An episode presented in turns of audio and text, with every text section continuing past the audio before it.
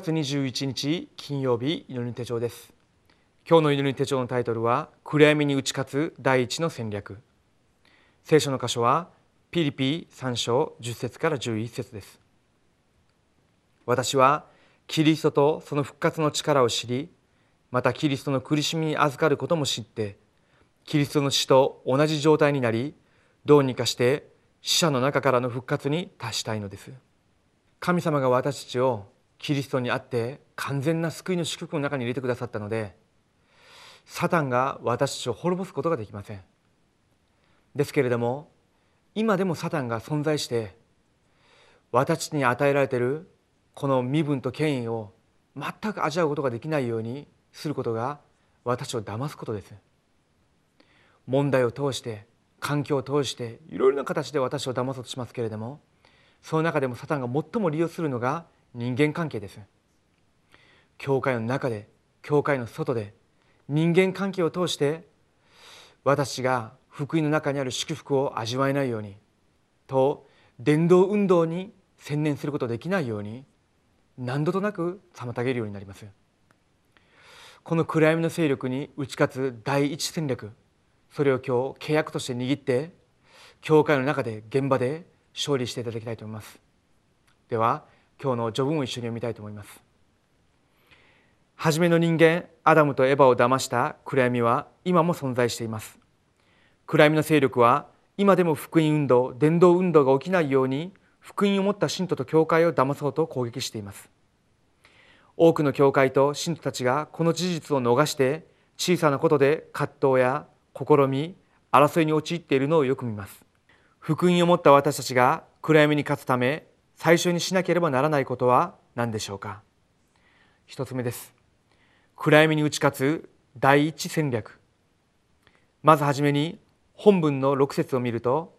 すべての信徒に神様の計画があると書かれています。本当にこのことを悟るようになるとすべての葛藤と試み争いを乗り越えるようになり暗闇に騙されません。2番目に私と違う人や異なった主張にも神様のもっと大きな計画が隠されていることを知らなければなりません。その人の立場に立ってみるならば理解しやすくなります。3番目に全ての問題を問題として見るのではなく祝福として見なければなりません。聖書の7人のレムナントと初代教会のパウロがその代表的な人物でした。最後に教会の中で全ての信徒が共に理解して一つになることまたすべての住職者たちが力を得る時まで待つことが暗闇に打ち勝つ第一の戦略です。一言で言うと福音の中で人を正しく理解することです。私の周りにいる人私の近くにいる人さらには私自身に対しても福音の中で理解することです。相手の弱さ足りなさも福音の中で私が正しく見るんであれば逆にそれが教会のために必要な部分かもしれません。また私自身の弱ささえも福音の中で見るんであれば最も福音の力を現実的に味わう道になります。私たちが福音の中で相手を見て自分自身を見るんであれば全てのことを乗り越えることができます。福音の外では全部が葛藤です。全部が試みになってしまいます。全部が足りない部分です。ですけれども福音の中で見るんであれば私の全ての足りなさ弱さ葛藤実は答えを受ける重要な道になります。では2つ目です。暗闇に打ち勝った後に与えられる誠の答え。全ての人に神様の計画があるということを本当に分かるならばその時から神様の答えは始まります。全ての人に対する誠の祈りの課題が出てきます。パウロはすべての信たちに対する神様の計画を見て一人一人に対する祈りの課題を発見して感謝しました。人に対する神様の計画を発見するならば驚くべきことが起こります。この時から教会が力を得て生かされます。この時から教会が力を得て初代教会が体験した神様の大きな働きが現れるようになります。この時伝道運動を正しくするテモテのような弟子たちが教会の中で起こされるようになりローマ書16章の働き人たちのような世界福音化の経済に責任を持つ人々が起こされるようになります。私たちが福音と祝福を本当に悟り伝道運動をするならば神様は経済を解決してくださいます。すべての人に対する神様の計画を私が本当に発見することができたとすればその人の立場に立って100%見ることができるんであればその時から神様の答えまたその人に対する神様の宮座が始まるはずです。もっと重要なことは私自身が癒されます。そういった経験が一度二度繰り返されるようになるとどういう人と出会ったとしても神様の計画を発見することが習慣になるようになります。私が教会の中でまたタラパン全家族たちと共に重要な働きをしていくときに性格的に合わなかったり主張が合わなかったりいろんなことがありえるでしょう。ですけれどもその全てを福音の中で受容しながら私が神様の大きな計画のために共に進んでいくんです。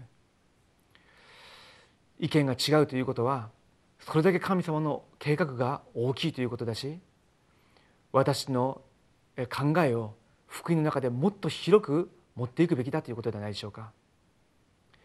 福音の中で全ての人間関係の葛藤を解いていきそれを乗り越えて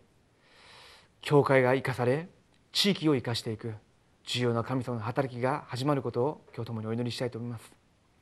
今日のフォーラムの主題です。私の周りにいるすべての人々教会の中にいるすべての信たち特に牧師と住職者に対する神様の計画を考えてみてください。そして私のすべての仕事と人間関係の中で神様の計画は何なのか黙想してみましょう。お祈りします。生きておられる神様に感謝を下げます。私たちが自分の立場だけで人を見て自分の感情自分の主張だけで人を見て教会を見ながらつまずいてサタンに騙されるものになるのではなくて全ての人たちにと教会にと全ての現場に神様の重要な計画が隠されていることを知って全ての葛藤を乗り越え教会の霊的な雰囲気を変えるそのようなムードメーカーとして立ててくださりそのことによって実際的に教会が地域福音化のために用いられるように神様が導いてください。日本にあるすべてのタラパン教会が教会の中にあるすべての葛藤に乗り越えサタンの暗闇の勢力に打ち勝ち地域を生かす代表的な教会として主によって建てられるように今この時間主が全能の御手を広げてすべての日本のタラパン教会全世界のタラパン教会を祝福してください。生きておられるイエス・キリストの皆によってお祈りします。Amén.